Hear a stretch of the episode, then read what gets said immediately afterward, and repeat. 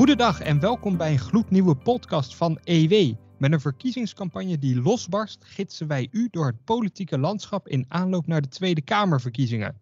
Mijn naam is Victor Pak en als gids heb ik iedere week bij mij politiek redacteuren Erik Vrijzen en Carla Joosten. Zij zullen zichzelf even aan u voorstellen. Om te beginnen met Carla. Hoe lang loop je al op het Binnenhof rond? Wat doe je daar en wie volg jij? Ja, ik loop al uh, ongeveer 30 jaar rond op het Binnenhof. Maar ik moet eerlijk zeggen dat ik zes jaar een uitstapje heb gemaakt in uh, Brussel. En ik kijk eigenlijk uh, naar de Haagse instituties in den brede, zoals dat heet. En daar hoort zelfs het Koninklijk Huis bij, dat dan weer wel en dan weer niet actueel is. Maar ook hou ik een oogje in het zeil op hoe het eigenlijk met de positie van de vrouwen gaat in Nederland. Oké, en, en Erik, jij uh, loopt volgens mij ook al heel wat jaartjes rond op het binnen, Binnenhof. Hoe, hoe, lang? Ja, ik durf het bijna niet te zeggen, maar ik heb gelukkig ook uitstapjes gemaakt, net als Carla. Ik heb ook in Zuid-Amerika gewerkt en, en ook wel binnenlandredactie bij Elsevier gedaan. Maar mijn eerste jaar, en, en trouwens ook economieredactie. Maar mijn eerste jaar in Den Haag was 1982, 81, 82. Dus bijna 40 jaar. Maar met die onderbrekingen van toch minstens een jaar of zes. Ja, ik ben wel, uh, ik hoor wel een beetje bij het uh, meubilair daar. Nou, op zich heel handig voor ons juist om ons te gidsen door, door dat politieke landschap. Wat nu natuurlijk super actueel is met de verkiezingen die, die eraan komen. Als we dan kijken nu even naar de actualiteit, ja, we komen er niet omheen het kabinet stoot tussen teen eigenlijk wel met, met de avondklok en de uitspraak van de rechter. Zeg ik dat goed zo? Hoe kijken jullie daarnaar? Uh, ja, als ik mag aftrappen. Uh, kijk, er is natuurlijk sowieso al de laatste tijd heel veel te doen over de uh, rechterlijke macht die beslissingen neemt, waarvan de politiek dacht dat zij daar de baas over waren. Hè, stikstof, CO2, en, en nu dus deze belangrijke corona-kwestie, de avondklok. Um, juridisch kun je er van alles over vinden, maar ik denk toch dat mensen het vreemd vinden als een rechter een beslissing neemt over uh, medische zaken en over uh, kabinetszaken. Maar goed, het zal nog moeten uitblijken wat uh, aanstaande vrijdag de definitief, definitieve rechterlijke uitspraak zal zijn. En inmiddels is er dan wel weer een nieuwe uh, spoedwet in aantocht en zo. Het is nog maar de vraag of die ongeschonden door de Tweede en Eerste Kamer komt. Maar ja, opmerkelijk is het wel. En, en hoe dat bij de verkiezingen gaat uitpakken, dat moeten we dadelijk nog even over hebben. En Carla, hoe, hoe, kijk jij daarnaar? Gaan bijvoorbeeld die Tweede en Eerste Kamer snel akkoord met, met zo'n spoedwet als het kabinet daarmee komt? Ja, dat verwacht ik wel. En uh, verder zie ik, uh, zie ik het vooral als een uh, enorme juridische thriller. Zo vond ik het gisteren. en in het geheel zie ik het meer als een enorme testcase voor de rechtsstaat. ik vind het tot nu toe wel heel interessant om te zien hoe de hoe rechters oordelen over besluiten van de politiek, hoe burgers uh, de gang naar de rechter kunnen maken. En uh, ja, dat is ook heel goed in deze kwestie, want er wordt enorm gegoocheld door de politiek om allerlei maatregelen op te leggen. En dan is het toch wel goed om te weten als burger dat er nog een uh, onafhankelijke andere instantie is die een oogje in het zeil houdt. De politiek zelf doet natuurlijk ook altijd een oogje in het zeil houden. Over die avondklok is fel gedebatteerd. En, en één partij was echt een uitgesproken tegenstander eigenlijk van vrijwel iedere coronamaatregel die het kabinet nam. In deze podcast gaan we een setje aan partijen bespreken. En waar ik dus net op hintte was Forum voor Democratie. Die gaan we deze week behandelen, net als de PVV en een aantal andere splinters op de rechterflank van het politieke landschap. Maar we beginnen dus bij Forum voor Democratie. Ja, Erik, dan, dan moet ik toch eerst maar even naar jou kijken. Jij had onlangs een, een gigascoop over de partij, over het appverkeer van de leider. Vertel ons even, en vooral voor de luisteraar, hoe, hoe, hoe ben jij te werk gegaan? Hoe kwam je hier achter? Ik kan niet precies mijn bronnen onthullen, hè, maar... Uh, nee, dat vragen we natuurlijk niet, maar een beetje een klein kijkje achter de schermen. Kijk, mijn manier van werken is toch om, om vertrouwen te winnen bij mensen. Die, en, en die soms mij ook vragen van, hoe denk jij daarover? Je werkt hier al zo lang. En zeker in, in nieuwe partijen. Forum is, is een nieuwe partij. Ehm, en uh, ja, op een gegeven moment uh, hoor je eens wat. En je, en je denkt er eens over na. En je vraagt nog eens iets na. En je puzzelt eigenlijk. Iedereen denkt altijd dat een primeur een, een soort envelop is die je in je postvakje vindt. Uh, nee, volgens mij is het gewoon heel geduldig ergens aan werken. Ik ben er vrij lang mee bezig geweest hoor. En mensen twijfelden natuurlijk ook wel of, dit, of ze mij dit soort dingen konden toespelen. Maar op een gegeven moment, van, ja, het een roept het ander op en, en zo heb ik uh, daaraan gewerkt. En, uh, ik heb nog veel meer dan we hebben gepubliceerd. maar ja, ik pakte daar natuurlijk wel de meest pregnante conversaties uit want er is ook veel kritiek op mij gekomen en op EW. In de zin van, waarom gaan jullie uh, uh, Baudet onderuit schoffelen? Hè? Waarom doen jullie dat? Maar weet je, wij zijn journalisten.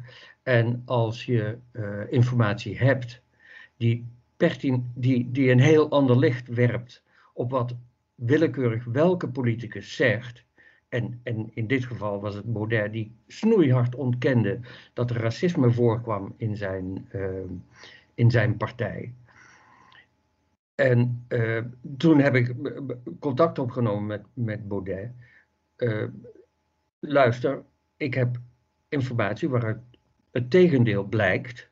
Namelijk, het waren toch duidelijk racistisch getoonzette chatverkeer was er. Hij wilde daar eerst wel op reageren, liet hij weten. En daarna weer niet. Ik heb de, complete tijdlijn staat deze week in het blad. En, en ik heb nog wat extra uh, informatie daaraan toegevoegd. Uh, ja, ik bedoel, ik zou toch niet voor mijn vak deugen als ik dat onder me zou houden, als ik dat niet zou publiceren. Dus dat niks te maken met pootje lappen van, van Baudet of zo. Dat had gewoon te maken met het, het werk wat wij moeten doen. Namelijk, als je informatie hebt, moet je het publiceren. En, en natuurlijk in deze tijd, er wordt veel over media gesproken. Van, ik herinner me nog dat ik een keer in Amerika was en toen ging het over de Tea Party in de, in de Republikeinse Partij. En daar waren we te gast bij een uh, radiostation, ik ben in Texas of in Arizona. En zij was heel erg, ze zat heel erg, die, die uh, interviewster van dat radioprogramma, die, die zat heel erg, waar we te gast waren, die zat heel erg op die Tea Party. En ze deed alles om die Tea Party te promoten. Toen zei ik op een gegeven moment, wat, wat, wat is nou jouw taakopvatting? Mensen bevestigen in wat ze al vinden, of mensen verrassen in wat ze nog niet weten. En toen dacht ze heel lang na. Toen zei ze, ja, toch het laatste. Ik ben en blijf journalist. Zo geldt dat voor ons ook. Kijk, Elsevier heeft allerlei uh, standpunten als het gaat om immigratie, belastingen, grensbewaking, corona-aanpak. We hebben heel veel standpunten. Maar uiteindelijk, we zijn wel journalisten. En als wij iets weten wat de rest van Nederland nog niet weet, vind ik wel dat we het openbaar moeten maken. Dus dat wil ik er graag over kwijt. Dat, dat lijkt mij ook. Carla, hoe, hoe kijk jij naar, naar het verhaal en wat het uiteindelijk zegt over Forum voor Democratie? Als ik de peilingen erbij pak, de partij piekte echt in 2019 bij de Eerste Kamerverkiezingen, werd bijna de, de, of werd de grootste van het land. Um, maar daarna is het, is het allemaal ja, een beetje uiteengevallen, als ik dat zo zeg. Jij hebt vooral ook het, het ontstaan van die partij gevolgd. Hoe kijk je naar al die ontwikkelingen en wat er nu van de partij resteert? Deze ontwikkeling bewijst hoe, enerzijds hoe doordringbaar ons democratische systeem is. Heel veel partijen krijgen toegang tot het parlement, tot uh, allerlei andere instituties. Maar dan, hou het maar eens goed. Uh, de, de ervaring leert, Erik en ik hebben allebei de oudere partijen zien, uh, zien aankomen in de jaren negentig. Nou, dat was cabaret, zo had je het nog nooit gezien. Dat ging zelfs Boer Koekoek die nog langer geleden op het Binnenhof furoren maakte, te boven. Ja, het is toch uh, kennelijk heel moeilijk om, om een partij uh, zonder incidenten te laten deelnemen in het parlement, in het parlementaire werk. mensen, karakters botsen, mensen leren de regels niet goed. En uiteindelijk is bij Forum is toch gebleken, is de, de leider zelf toch enorm door het ijs gezakt. En heeft hij eigenlijk goud wat hij in handen had, heeft hij laten vallen. En dat zat er eigenlijk al een beetje aan te komen natuurlijk bij de, bij de breuk die er geweest is uh, met Otte en Jeroen de Vries, et cetera. toen Otte vertrok, toen dacht ik echt van, nou, dit wordt niks meer met die partij. Nou, dat bleek in, aanvankelijk nog wel wat mee te vallen. Maar zoals het er nu voor staat, denk ik echt Hoewel, nooit, zeg nooit nooit in de politiek. Maar ik denk dat het heel moeilijk wordt om meer dan een hele vastberaden kern. Want vergis je niet, er zijn nog steeds veel mensen die, uh, die denken van, nou ja, je kan zeggen wat je wil. Jij met je Elsevier of jij met je, welk medium dan ook over onze grote leider. Wij blijven achter hem staan. Maar de peilingen wijzen nu natuurlijk toch op minder. Uh, de, de, partij die, die we ook nog gaan bespreken, die, eh, daarvan dacht ik ook wel eens eh, een paar jaar geleden, nou nu is het eh, afgelopen. Maar al 16 jaar houdt deze partij, of in elk geval de voorman om wie het gaat, die helaas beveiligd moet worden, stand. Ja, die, die andere partij is de PVV. Is er nou een moment geweest dat, dat de PVV zich serieus bedreigd voelde door de opmars van, van Forum voor Democratie? Ja, ehm, zeker. Ja, als ik, als ik die vraag maar beantwoord. Eh, kijk, in de, in de statenverkiezingen van 2019 had, eh, stond, stond Wilders gewoon in de schaduw van Baudet. Die was notabene de grootste partij geworden. Dat, ehm, maar juist door de corona. Kijk, corona is eigenlijk uh, Baudet fataal geworden. In die zin, of althans, hij heeft zijn voorsprong in de in de peilingen enorm verspeeld. Uh, doordat Wilders als geen ander door had hoe hij die, in die coronadebatten hoe hij zich moest, uh, moest opstellen. En uh, Wilders heeft die coronadebatten eigenlijk vanuit zijn perspectief perfect gevoerd. Hij was de grote tegenspeler van Hugo de Jonge en, en Mark Rutte. En Baudet haalde daar een beetje zijn neus voor op. In de zin van, ja, wat wij hier bespreken, dat, dat speelt geen rol. Maar juist voor de mensen, en veel van die debatten werden ook live uitgezonden, daardoor ja, kwijnde Baudet helemaal weg. Eigenlijk ook doordat hij niet uh, de vaardigheid heeft van een Wilders om in die debatten te opereren. Hij is toch eigenlijk een soort nieuwkomer. En dat is eigenlijk ook met die affaire nu over die appjes. Eh, hoe je er ook over denkt, zelfs als je, als je zelf een beetje racistisch denkt of zo, dan zie je toch dat, dat Baudet het, het slecht heeft gespeeld. Hij is gewoon geen vaardig politicus gebleken in deze kwestie. Want kijk, hij zegt nu van, ja, maar dit was een grapje en zo. Nou, dan, dan deug je niet als, als partijleider, want dan, dan had je onmiddellijk dit soort grapjes de, de kop ingedrukt. En als je het wel vindt, ja, dan handel je in, in strijd met artikel 1 van de grondwet. Maar, maar vind je dan dat, dat, uh, dat Baudet tekortschiet, of vinden jullie eigenlijk dat hij tekortschiet in die vaardigheden? Of is het meer het politieke spel aan zich, of de inhoud vooral eigenlijk? Je hebt de vaardigheden, dus hoe je een debat moet voeren, of hoe je als partijleider moet gedragen. Of is het gewoon dat corona hem als, als onderwerp genekt heeft? Bijvoorbeeld de standpunten van, van de partij, die gewoon heel erg anders zijn dan bijvoorbeeld die van Wilders. Ja, er is volgens mij uh, nooit één oorzaak aan te wijzen, maar je, je, je, noemde nou er een paar oorzaken, maar je vergeet er één en dat is uh, de karakterologische kant van de kwestie. Het karakter van Baudet eh, is toch wel erg ingewikkeld voor een politicus, want als een politicus iets moet zijn, is hij, dan is het consequent. En dat is ook het grote verschil met, met Wilders. Uh, dat is niet alleen de, de, een van de meest volleerde, ervaren, zoals Erik zegt, de politici van het Binnenhof. Niemand die het uh, reglement zo goed kent. Ik geloof dat Erik hem een keer de, de, de, de, de menner van het Binnenhof De dompteur van het Binnenhof. De dompteur, ja, de dompteur. Ja, ja. En dat was een hele mooie omschrijving. Maar uh, ja, Baudet is natuurlijk verre van. Maar ja, ik, ik zeg er ook altijd bij, het is maar hij, hij wordt al 16 jaar beveiligd, diezelfde Wilders. Om dan toch nog te, te, te gloriëren uh, op, uh, op het belangrijkste podium van het land, want dat heeft hij natuurlijk in de coronadebatten inderdaad gedaan, dat vind ik, uh, dat vind ik toch wel heel bijzonder. Als we dan kijken naar, naar de PVV, Erik, hoe, jij zegt die debatten ook, daar heeft Wilders echt laten zien dat hij eigenlijk ja, echt de echte oppositieleider is. Hij nam het op tegen, tegen de jongen, tegen Rutte. Nou viel mij op, de, de partij heeft ook een, een verkiezingsprogramma geschreven dat veel uitgebreider is dan de PVV normaal doet. Zit Wilders toch te, azen op, op meer dan alleen maar oppositieleider zijn op het Binnenhof? Ja, dat denk ik zeker. Ehm, hij, hij, wil uh, graag meebesturen, maar hij weet ook dat, het verloop, dat hij aan, aan de kant blijft staan. Hè. Het is gewoon uitgesloten dat, dat Rutte met hem gaat, gaat regeren. Tenminste, onder de, zoals het er nu naar uitziet. Hij zegt nooit, nooit in de politiek, maar dat is toch bijna. Kijk, het, het, het vreemde uh, doet zich in de huidige situatie voor dat keer op keer is 60% van de, van de Nederlandse kiezer is voorstander van een rechtskabinet.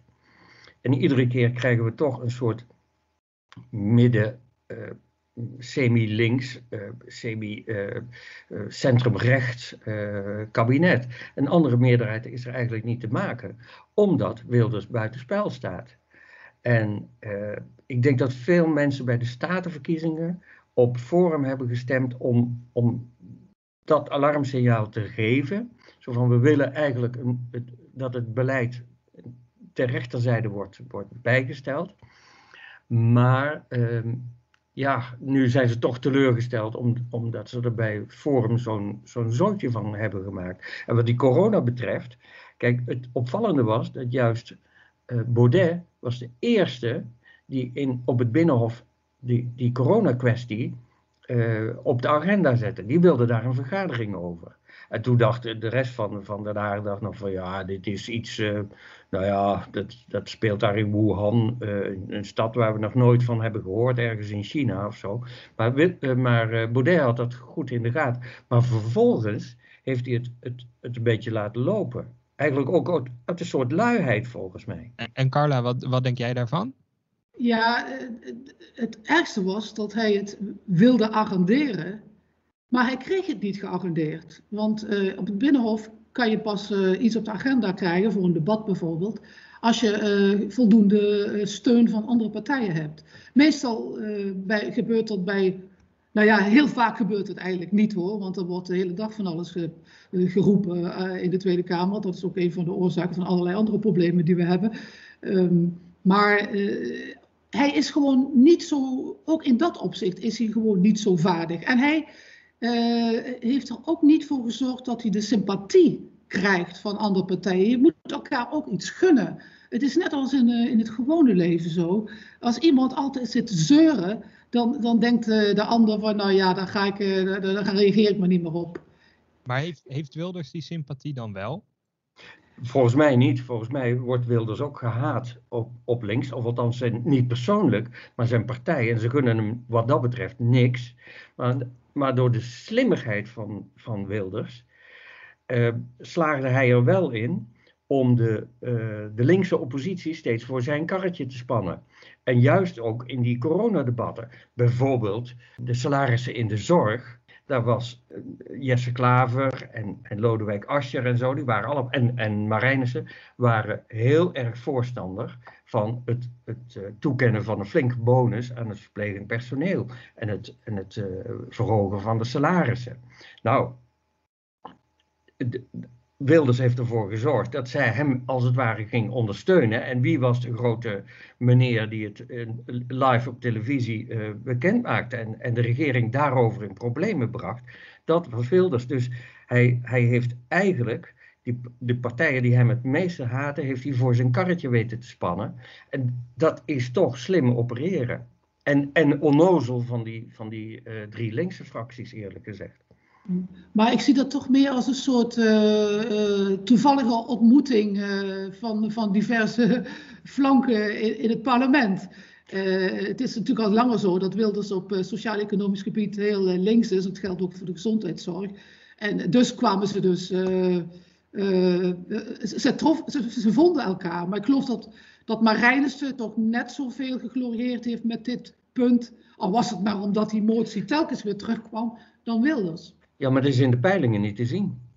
En bij Wilders wel, nee. maar bij de SP niet, want die, die blijft toch een beetje kwakkelen. Maar die peilingen zijn wat betreft PVV zijn die ook wel heel bijzonder. Want uh, ik kan me nog herinneren de, de uitslag van de verkiezingen in 2019 van het Europees Parlement. Hoeveel zetels haalde de PVV? Ja, een nul is dat, zeg ik. Nul, nul, nul zetels. ik, ik zie Wilders nog die nacht met een paar vertrouwelingen in het parlement. Hij kwam ook niet, uh, toen de uitslag er was, naar de uh, verzamelde media toe. Totaal verslagen. Ik denk, nou, zal nu dan de neergang zijn begonnen? En tegelijkertijd dacht ik, begint de terugkeer van de PvdA, want die waren de grootste geworden. Maar wat, waar zitten we nu? Twee, twee jaar later, nog geen twee jaar later. De PvdA zit in zak en as en de PVV glorieert weer. Dus dat betekent maar weer hoe onvoorspelbaar die dingen zijn. Ja, ja, maar bij de Europese verkiezingen was natuurlijk de, de opkomst ongelooflijk laag. En dan heeft een partij als PVV, die het vooral van, ik zal maar zeggen, uh, uh, de mensen moet hebben die niet een directe band met het politieke stelsel voelen, die heeft dan natuurlijk een nadeel. En, en... Ah, ik denk dat bij de, de PvdA, dat die, mensen die hebben natuurlijk ook een beetje de naam daarachter, wat ook een beetje de naam van moet, moet mooi weer zijn. Nou, dat weet ik niet. Het opvallende, opvallendste cijfer van de Europese verkiezingen vond ik. De achterban van CDA en PvdA was bij de Europese verkiezingen meer 55 plus dan 50 plus zelf. Dat is dan een, een veeg teken. Maar als we dan kijken, Wilders was dus in 2019, nou ja, een heel pijnlijk resultaat bij die Europese verkiezingen van dat jaar toch, eh, toch heeft hij wel de weg, weg omhoog gevonden. Als je nu de, een verzamelde aan peilingen erbij houdt, dan zie je dat sinds januari 2020 en iets daarna dat de VVD een, een aanzienlijke opmars heeft gemaakt in de peilingen. Maar ook de PVV. En, en de opmars van de PVV is weliswaar wat kleiner. Maar, maar is er wel degelijk. Is dat dan, hoe heeft Wilders dat eigenlijk gedaan? Nou, ik denk vooral door die, door die uh, Kamerdebatten. Daar heeft hij toch dat was toch. Kijk, heel veel andere politiek was er niet. Het ging vooral om, om corona. En die, veel van die debatten werden live uitgezonden. De, de aandacht van de mensen was daar buitengewoon. De, de, de journaals, alles draaide helemaal om. Uh, wat gebeurt er in de Kamer? Dat was toch eigenlijk de, de nationale arena van kritiek op het kabinet versus verdediging van het kabinetsbeleid. Uh, ik denk dat Wilders daar zijn, zijn, zijn terugkeer heeft uh, weten te bewerkstelligen, ja. Ja, ik wil ook nog toevoegen over eh, de PVV. Kijk, die partij, eigenlijk Wilders dus, dat is ook de enige die drie heikele punten in het Nederlandse debat voortdurend op de agenda houdt. En dat is de islamisering, de immigratie en Turkije. De, de, Turkije was ooit de aanleiding dat Wilders uit de VVD ging. En uh, je kunt eigenlijk alleen maar zeggen dat, dat uh, de realiteit steeds meer zijn kant op is gekomen. Er zijn nu nog weinig mensen die, die vinden dat Turkije ooit lid van de EU moet worden, et cetera. Dus hij heeft ook wel gewoon het materiaal in handen. Maar hij, tegelijkertijd zit daar ook een, een, iets in wat natuurlijk weer een, het regeren onmogelijk maakt, omdat hij minderheden uitsluit. Nou zijn er wel een aantal partijen die zich ook op, op die rechterflank willen profileren in de hoop in de Kamer te komen. Er zijn dit jaar een recordaantal aan nieuwe partijen überhaupt op, uh, op uw stembiljet straks op 15, 16 en 17 maart. Om te, als we even kijken naar, naar de rechterzijde, daar heb je Ja 21 en Code Oranje. Denken jullie dat een van die twee partijen überhaupt in de Tweede Kamer kan komen bij de komende verkiezingen? Ja, alles kan natuurlijk. Hè? en um, in de peilingen krijgt uh, Ja 21 iets van één zetel, twee zetels, soms drie. Uh, Code Oranje weet ik niet. Kijk, uh, Code Oranje is wel een goede naam natuurlijk, maar wat dat betreft komt eigenlijk die sneeuw iets te vroeg. Code Rood en Code Oranje, dat was toch eigenlijk een soort reclame voor, voor hem. En uh, ja 21, dat is de uh, juiste antwoord 21, of Joost en Annabel 21. Het is maar goed dat ze niet de achternaam hebben genomen, want dan was het uh, nee 21 geworden, namelijk van Nanninga en Eertmans. Maar het is dus ja 21. En kijk, wat EW heeft ook een interview met, met Eertmans gehad en met Annabel Nanninga. En daarop zeiden ze, ja, wij willen de VVD naar rechts dwingen. Dat is eigenlijk hun rol. Ze willen een soort, als een soort stoorzender willen ze ervoor zorgen dat, dat Rutte naar rechts gaat kijken als het om coalitievorming gaat. Maar ja, dan moeten ze wel meer scoren dan, dan die paar zeteltjes in de peilingen. Dan moeten ze echt kunnen doorstoten. Of dat gaat lukken, dat betwijfel ik eerlijk gezegd. Want kijk, ook die hele affaire met de appjes van Forum, dat raakt toch ook uh, ja 21. En dat raakt toch ook het gevoel van veel mensen van ja, moeten we eigenlijk daarop wel vertrouwen. Uh, want dit, dit, dit, is toch iets wat veel ook forumkiezers niet hadden verwacht van, van Baudet. Carla, hoe kijk jij naar die, die nieuwe nieuwkomers? Of de, ja, ze proberen nieuw in de Kamer te komen. Ja, nou, ik denk over Code Oranje. Ja, ombudspolitiek, dat is zelfs op lokaal niveau al, al moeilijk. Laat staan op landelijk niveau. Uh, ik denk dat de kiezer toch ja, misschien wel denkt van, ja, wat moet, je, wat moet ik nou met zo'n partij die misschien ook één zetel haalt? En ja, 21. Ik heb uh, Eertmans, uh, die kennen we ook al heel lang. die hebben we natuurlijk zien, zien, worstelen met het legaat van Fortuin, om het zo maar te zeggen. hij, hij is denk ik, um, ja, toch niet sterk genoeg om, om echt een, een, een groot publiek aan te spreken. Uh, zoals ze wel eens in, in, de politiek zeggen, ja, je gaat dan toch voor het origineel. En wat het origineel is van ja 21, ja, je zou denken dat is dan Forum, maar dat, dat is natuurlijk ook uh, nu een, een, moeilijke kwestie geworden. Dus ik, ik vrees eigenlijk voor, voor deze nieuwkomers dat ze eh, geen kans maken. Eh, ook omdat eh, de, de, nieuwkomers van, van 10, 20 jaar geleden, zoals de Partij voor de Dieren, die zie je nou gewoon een beetje doorstoten. Dat blijkt misschien nog niet zo erg in de peilingen.